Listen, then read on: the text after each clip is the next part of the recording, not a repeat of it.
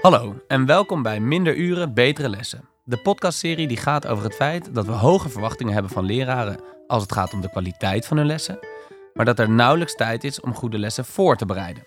Daarmee is onze kernvraag of het verlagen van het aantal lesuren kan bijdragen aan beter onderwijs. Ik ben je host, Erik Ex, leraar geschiedenis in het voortgezet onderwijs en lerarenopleider in Utrecht. En mijn vaste gast is Marco Snoek, lector leren en innoveren aan de Hogeschool van Amsterdam. In deze derde aflevering staan we stil bij de vraag wat leraren nodig hebben om samen betere lessen te ontwerpen.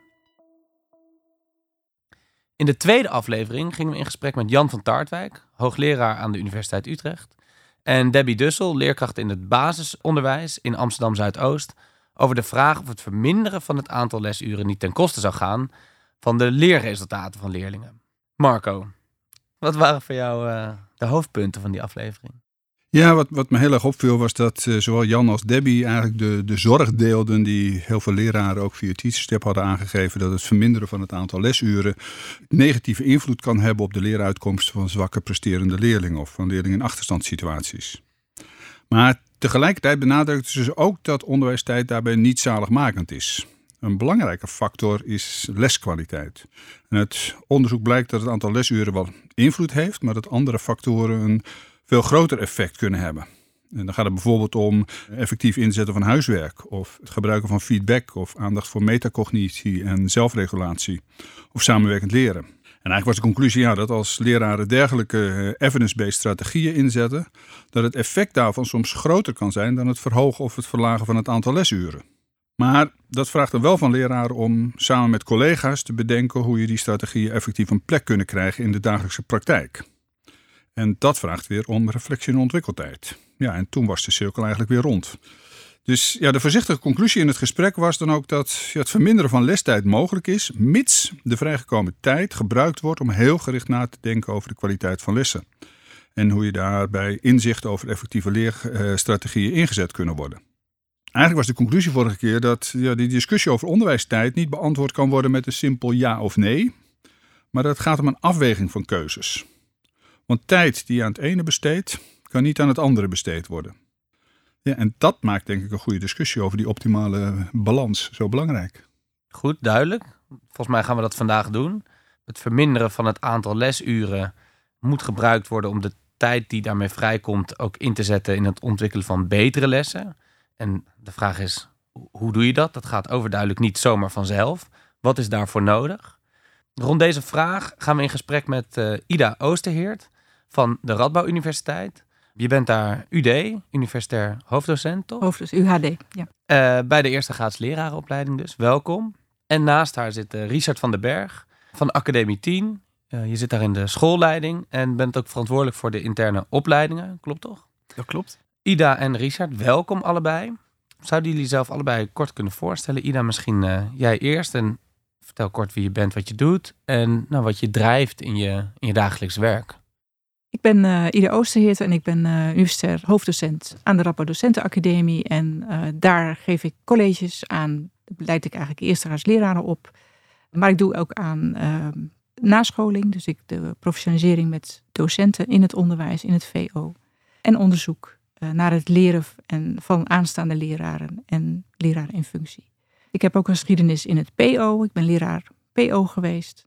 En in het HBO, uh, waar ik diverse rollen heb vervuld. Allemaal in lerarenopleidingen. Mijn drijfveer is, ja, dat is een beetje voor liggend, maar toch om goede leraren af te leveren die goed zijn voor leerlingen. En ook die onderwijs kunnen verzorgen die past bij het heden uh, en bij de nabije toekomst.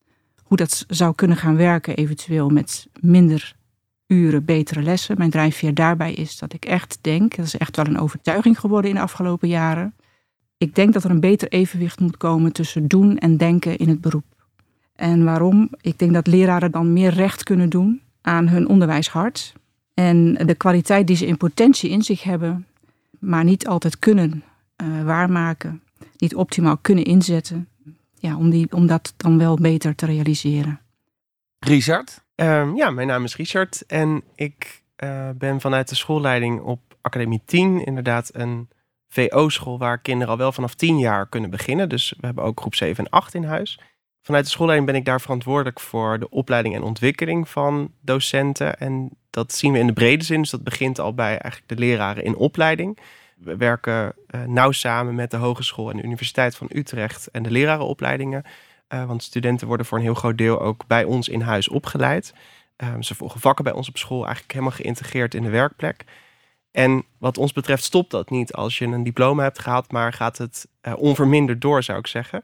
Om ja, dat, dat prachtige ambacht waar wij denk ik aan mogen werken, om dat ook echt centraal te zetten. En wat mij drijft is om schoolorganisaties uh, te bouwen, te ontwerpen, die niet alleen de ontwikkeling van leerlingen centraal zetten, maar juist ook de ontwikkeling van docenten centraal stellen. En onderzoeken hoe kunnen we die uitdagende werkomgevingen creëren, waar mensen super graag willen werken om dit hele mooie beroep uit te voeren. Nou, en daar probeer ik mijn steentje aan bij te dragen. Ja, ja. Ah, Marco, we hebben volgens mij ontzettend interessante uh, gasten aan tafel vandaag. Zeker. Dit is dus de derde aflevering van een serie uh, podcasts rond de vraag of vermindering van het aantal lesuren ten gunste van meer gezamenlijke ontwikkeltijd de spanning tussen hoge maatschappelijke verwachtingen en de dagelijkse hectiek van leraren kan verminderen. Dat vraagstuk willen we van verschillende kanten belichten door in gesprek te gaan met een brede variatie aan gasten uit de praktijk, de wetenschap en het beleid. Als je meer over dit thema wil weten en nieuwsgierig bent naar de verschillende inzichten hierop, houd dan onze podcastpagina in de gaten. www.hva.nl slash minderuren betere. Natuurlijk zijn we ook heel benieuwd naar jouw opvattingen als luisteraar rond dit vraagstuk. Op de webpagina vind je een link naar een LinkedIn-pagina waar je kunt reageren, zodat we daar in volgende afleveringen wellicht op terug kunnen komen.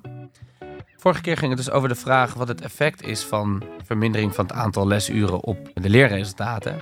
En daar maakten zowel eh, Jan van Tartwijk als Debbie Dussel, uh, maar dus ook de leraren uh, via TeacherTap zich enigszins zorgen over.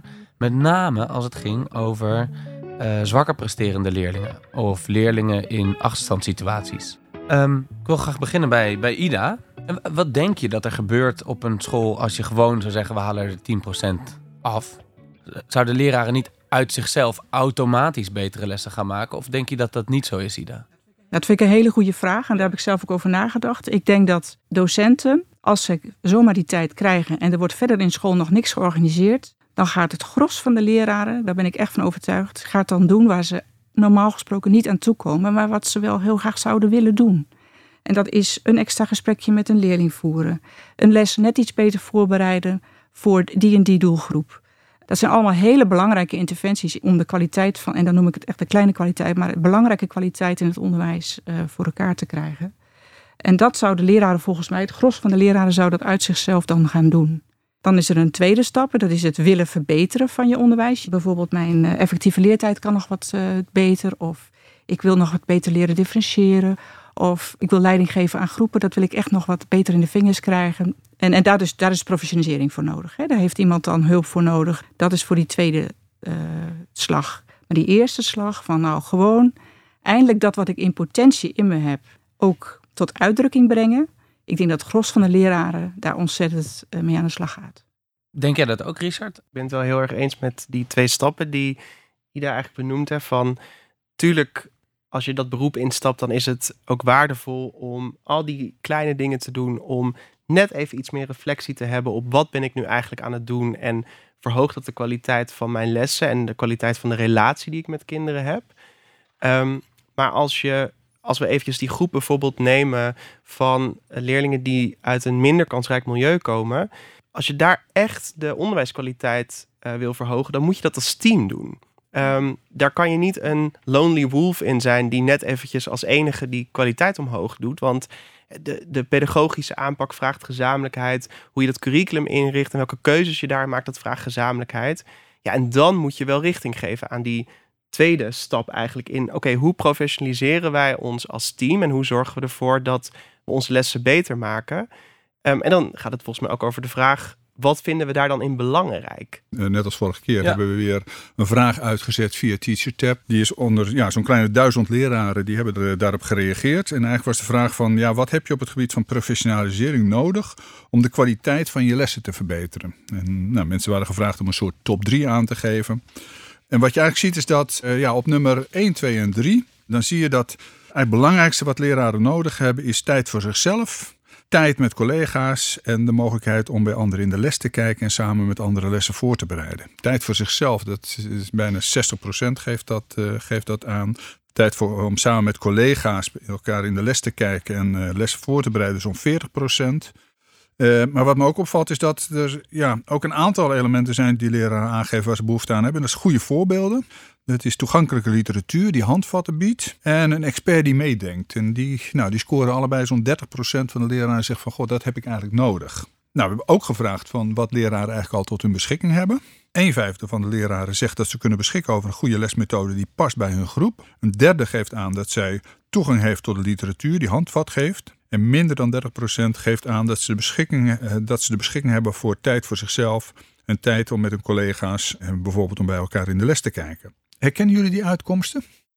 Ja, ik herken die uitkomsten. Met name de wens om tijd te hebben om aan je ambacht te kunnen werken. Om de toewijding tot dat beroep te hebben. En dat beroep ook heel serieus te nemen in zijn complexiteit. En wij hebben in de school heel veel manieren waarop we die tijd uh, organiseren. En dat is ook de reden waarvoor veel mensen kiezen om bij ons te werken. Omdat je uh, ruimte hebt om in die gezamenlijkheid te ontwikkelen. En uh, Richard, hoe moet ik me dat voorstellen bij jullie? Ik kom bij jullie werken en krijg ik een boekenlijst mee en een aantal uren waarin ik dat kan lezen? Of hoe werkt dat precies? Nou, er zijn eigenlijk verschillende manieren waarop je binnen onze school professionaliseert. Je hebt een een kernteam van docenten waarin je samenwerkt iedere dag en verantwoordelijk bent voor een vaste groep leerlingen. Die zie je elke ochtend, dat start je samen, eh, maar die zie je ook één middag in de week. En gedurende die middag staan er bijvoorbeeld zaken rondom het pedagogische klimaat bijvoorbeeld op het programma. En daarnaast zie je iedere week ook op een van de middagen je vakcollega's. En die zie je ook zes weken per jaar, iedere middag. Dat noemen wij een onderwijsmaakweek.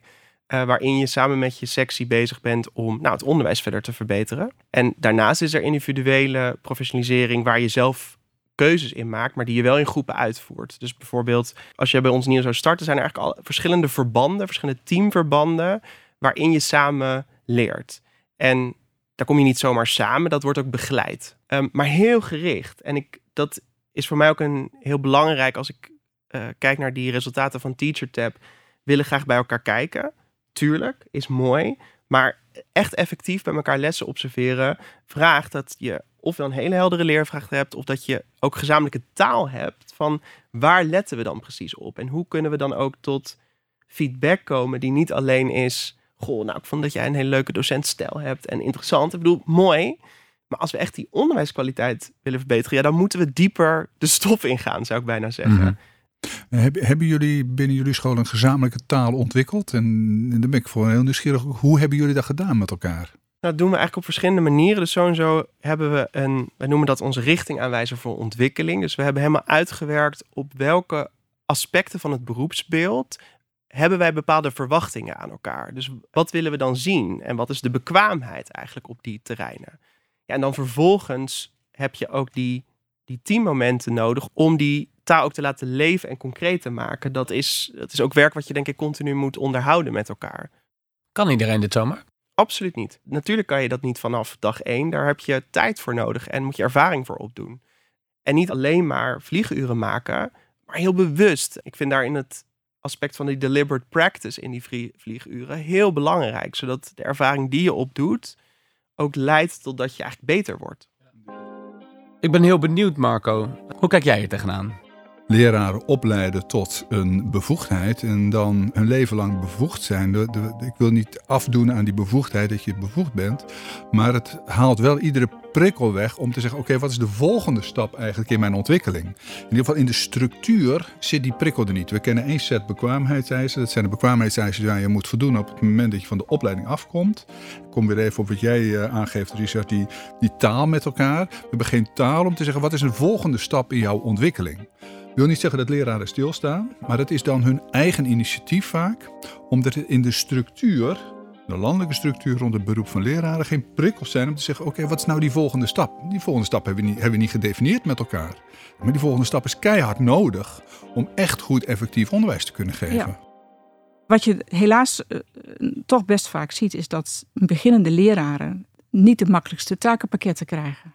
Dus uh, bijvoorbeeld ook al meteen een mentoruur. Ja, en ze willen dat ook, omdat ze vaak geen volledige baan krijgen in het begin. Precies. Er zijn allerlei ook andere prikkels die maken dat voor beginnende leraren het best wel pittig is om in sommige scholen uh, hun werk goed te starten en laat staan door te ontwikkelen. En daar ruimte voor te vinden. Ze zitten overvol in het doen, doen, doen, doen, doen. Ja, dus ze zijn eigenlijk vlieguren aan het maken terwijl ze wat meer trage tijd nodig hebben. Mag ik daar nog op aanvullen? Ja, zeker. Want tegelijkertijd denk ik dat we ook nu al dingen kunnen doen. We kunnen ook nu al de keuze maken om te zeggen: wat is die nieuwe stap en wat verwachten we dan eigenlijk van elkaar als je de stap naar die bevoegdheid gaat maken? Maar dat is wel een soort mindset die je in je schoolorganisatie inbrengt. Wat ook over de cultuuraspecten gaat. Dat je het normaal vindt om met elkaar continu te hebben over. Goh, dit, dit, oh, dit, dit gaat nog even wat minder bij mij. Ik ben hier nu aan het werk. Oh, interessant. Nou, dan moet je even met die en die praten daarover. En dat dat niet raar is of dat je niet uh, een slechtere leraar bent als je bezig bent om uh, uh, bepaalde aspecten van je lesgeven te verbeteren. Ik zou juist zeggen dat maakt je een sterke professional. Ja.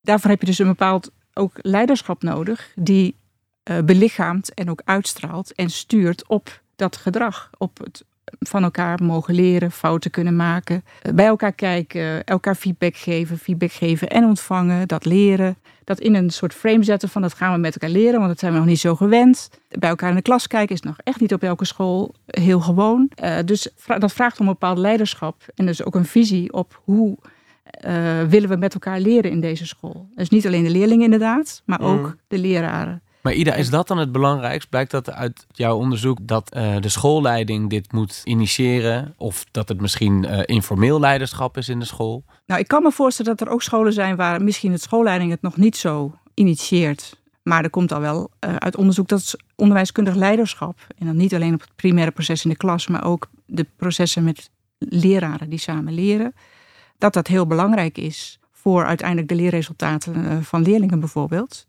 ik, ik denk dat een schoolleider, in, eh, een moderne schoolleider, zou dat, ja, die zou dat in ieder geval mogen leren om dat te doen. Uh, het is nog behoorlijk vrijblijvend. Um, ik denk dat dat wel wat sterker mag zijn om te zorgen dat schoolleiders allemaal geëquipeerd zijn om dat ambacht van schoolleider, want dat is ook heel ingewikkeld, om dat goed te leren. Ik denk dat we dat wat dat betreft best een hoger uh, niveau mogen vragen in de komende jaren van schoolleiders toch zie ik ook schoolleiders hier heel erg mee worstelen. Mm -hmm. uh, we gingen net over nou, de, de cultuur om bij elkaar in de klas te, te kijken. Ik denk dat een heleboel schoolleiders dat uh, heel erg willen stimuleren, maar vervolgens tegen allerlei ja, weerstand in teams aanlopen. En, en ik vind dat ook wel fascinerend. Hoe komt het nou dat het in zoveel scholen lastig is dat leraren uh, ja, eigenlijk niet anderen in hun klas willen toelaten of niet zomaar willen dat anderen in hun klas komen kijken? Ja, maar ik denk wel dat dan de, de schoolleider zal ook zowel die cultuurkant als die structuurkant moeten organiseren tegelijkertijd.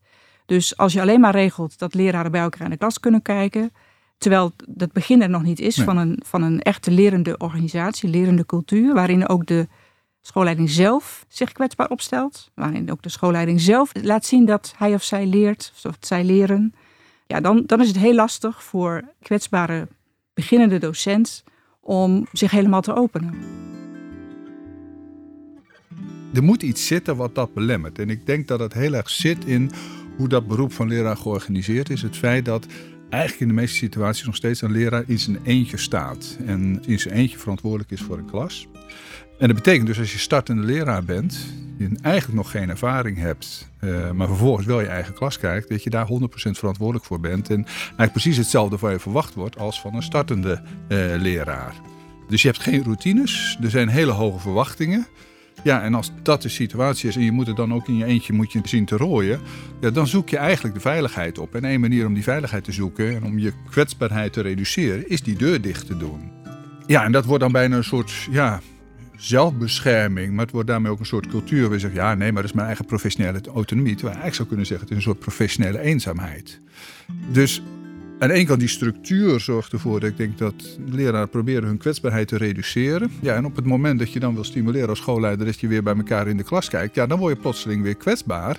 Want ja, met al je uh, onzekerheid die misschien ondertussen wel ja, wat, wat, wat eelt heeft gekregen door de ervaring, maar het wordt wel plotseling weer anders als iemand anders weer bij je in de klas komt kijken. Dus dan ontstaat die kwetsbaarheid weer. Ik ben eigenlijk wel heel benieuwd bij jullie, Richard, hoe jullie nou ja, georganiseerd hebben dat als het ware die kwetsbaarheid en die, ja, die veiligheid als het ware gecreëerd wordt. Dat je bij elkaar open in de klas kan kijken en zo. Of, of met elkaar aan de slag gaat. En het niet erg is als je kan aangeven van nou ik weet dat niet precies.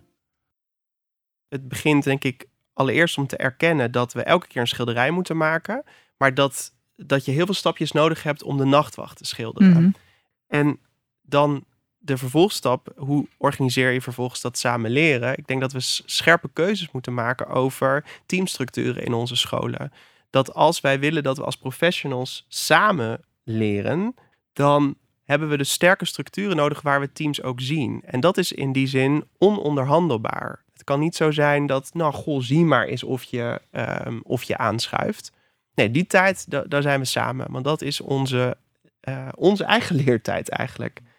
En dan, als je dat eenmaal neerzet, dan kan je beginnen, oké, hoe gaan we daar dan stapje voor stapje bouwen aan de openheid om te zeggen, goh, nou, ik ben misschien nog een beetje uh, een kindertekening aan het maken. Maar kijk, ik heb al wel geleerd hoe ik mijn penseel uh, uh, moet gebruiken en hoe ik mijn verf moet mengen. Oké, super tof. Wat is de volgende stap? ik denk dat we het spannend vinden om vanuit het principe van erkende ongelijkheid te werken in het onderwijs. Natuurlijk zijn er verschillen. En juist over die verschillen praten en daar dat dat normaal is, dat er verschillende expertisegebieden zijn, dat expliciet maken, niet vanuit meer of beter, maar waar zit onze expertise, waar zit onze professionaliteit? En ik denk dat die de erkende ongelijkheid, dat we dat spannend vinden in ja. veel schoolorganisaties.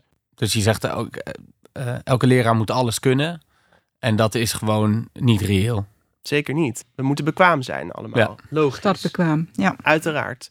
Maar hoe we ons vervolgens verder ontwikkelen, welke specialisaties we kiezen. En ik denk dat daar ook een perspectief zit voor hoe we dit, het veld als geheel ook inrichten. Um, het gaat niet alleen maar over, nou, en we moeten wel hogere verwachtingen aan leraren hebben. Maar laten we ook vooral hoge verwachtingen hebben aan de ontwikkelmogelijkheden die we organiseren. Nou, en ik denk daar schort het ook aan op veel uh, op veel plekken. Ik, ik ben benieuwd, uh, Ida, je bent als, als opleider bij uh, Radboud ben je ook bezig met ervaren leraren. Mm -hmm. uh, Teacher Tab komt, wordt aangegeven, ja, we hebben ook behoefte aan goede voorbeelden. We hebben behoefte ook aan een expert die met ons meedenkt. Hoe, hoe geef jij zelf in jouw rol als, als nascholen vorm aan het ondersteunen van leraren hierbij? Ja, ik heb uh, allerlei verschillende vormen. Dus PLG-achtige vormen, dus professionele leergemeenschappen die een cyclus volgen rondom een thema. In dit geval heb ik veel gedaan rondom creativiteit in het onderwijs. En dan, ja, dan zitten die elementen die we net bespraken, die zitten daar eigenlijk allemaal wel in. Uh, ik ben dan zelf procesbegeleider, maar ook uh, inhoudelijk expert op het gebied van creativiteit. en... je, je noemt creativiteit, hè? een thema waar je heel erg mee bezig bent. Mm -hmm. hoe, hoe, hoe, belangrijk is creativiteit in het beroep van leraar? Ik denk dat, nou ja, leraar zijn is zo complex. Dat vraagt om creativiteit. Ik zeg altijd tegen studenten: dit is niet, niet een kookboek wat je van ons krijgt. Je krijgt, uh, want je wordt een chefkok. En een chefkok die kent de doelgroep, die kent, heeft ontzettend veel kennis van voeding, heeft de kennis van hoe voeding met elkaar combineert, die heeft kennis van instrumenten waarmee je voeding kunt bewerken. Nou ja, je kunt wel even doorgaan. Uh, en onderwijs is niet van als A dan B. En is niet van check, check, check en dan gaat het goed. Nee, het is echt iedere keer weer creatief omgaan met je hele bagage wat je hebt. Goed kijken naar kinderen, met elkaar sparren en dan creëren. Dat is, dat is goed onderwijs maken. Wat ik heel mooi vind aan wat jij zegt over de rol van creativiteit, is daar zit ook zo het plezier in. Ja. Dus dat minder uren, betere lessen, hebben we het hier over. En ja, betere lessen, dat, dat kan ook een beetje strenger klinken. Van nou, moeten we wel die lessen verbeteren, mm. beste mensen. Dat moet ook, maar daar zit, dat is natuurlijk ook een daar zit werkplezier in. Om mm -hmm. dat proces door te maken met elkaar. Om, ah, hoe doe jij dat dan? Hoe zouden we dit kunnen aanpassen? Hoe kunnen we deze theorie dan verwerken?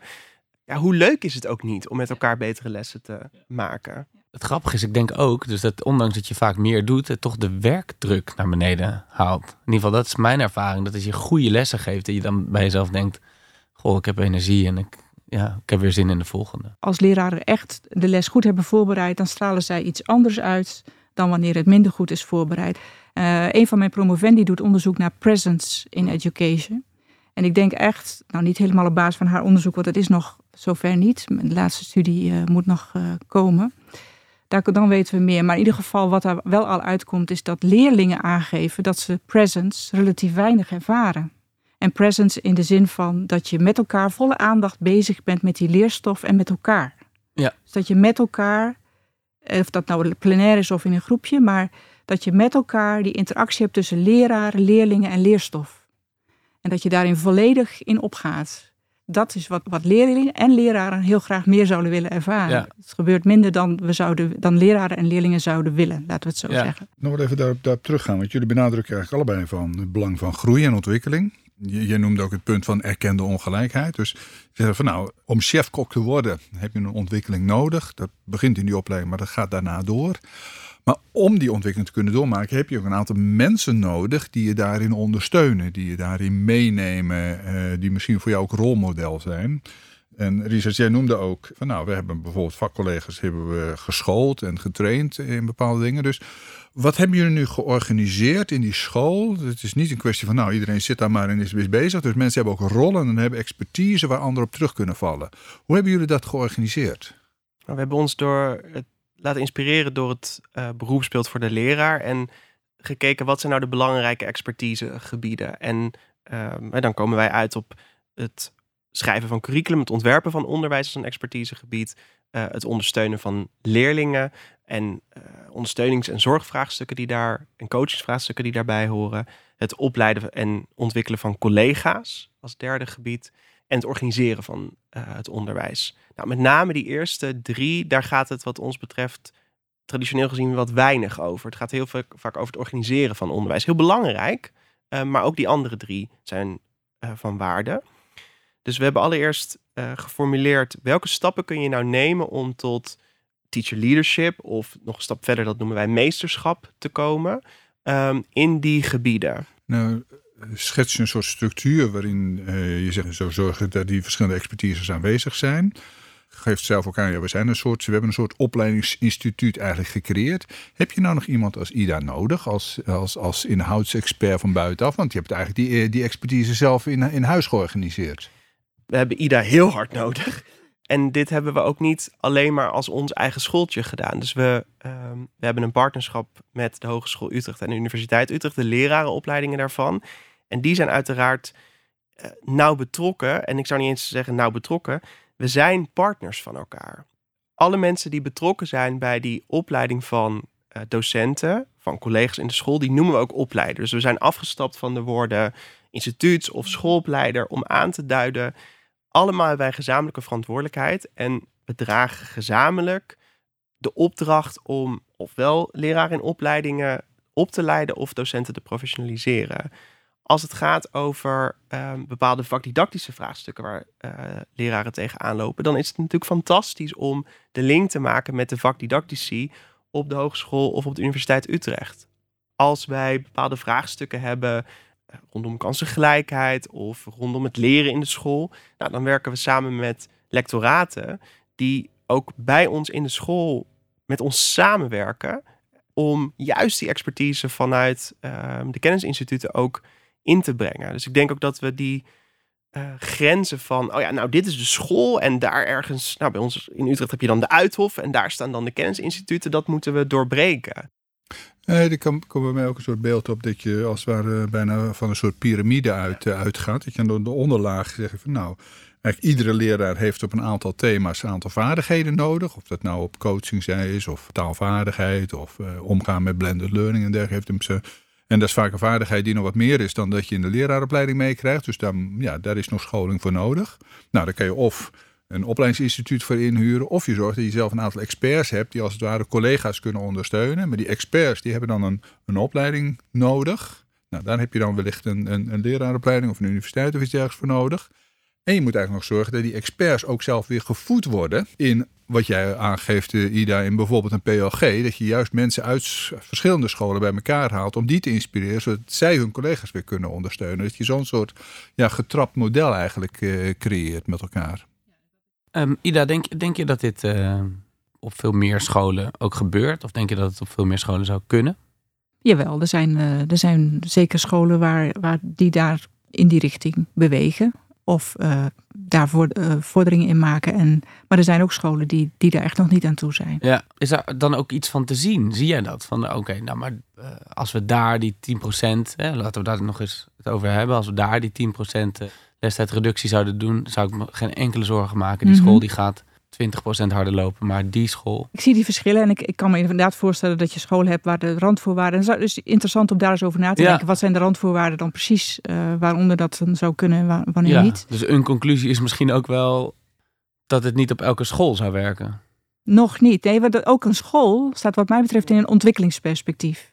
Dus niet alleen de docenten staan in een ontwikkelingsperspectief. Een school aan zich staat ook in een ontwikkelingsperspectief. Dus een school kan groeien in nou ja, het beeld wat Richard zeg maar schetst, dat zowel leraren als leerlingen profiteren van hoe de school qua cultuur en qua structuur is ingericht. Er mag wat mij betreft wat meer gestuurd worden ja. op uh, onderwijskundig leiderschap. Um, je bedoelt dus, dus, ook vanuit Den Haag? Ook vanuit Den Haag, ja. ja. Uh, Misschien dat, luistert de minister mee, je weet het niet. Uh, en dat bedoel ja. ik, nou hoop ik niet dat dat wordt opgevat als nou gaan we allemaal nieuwe blauwe formats erop op los gooien.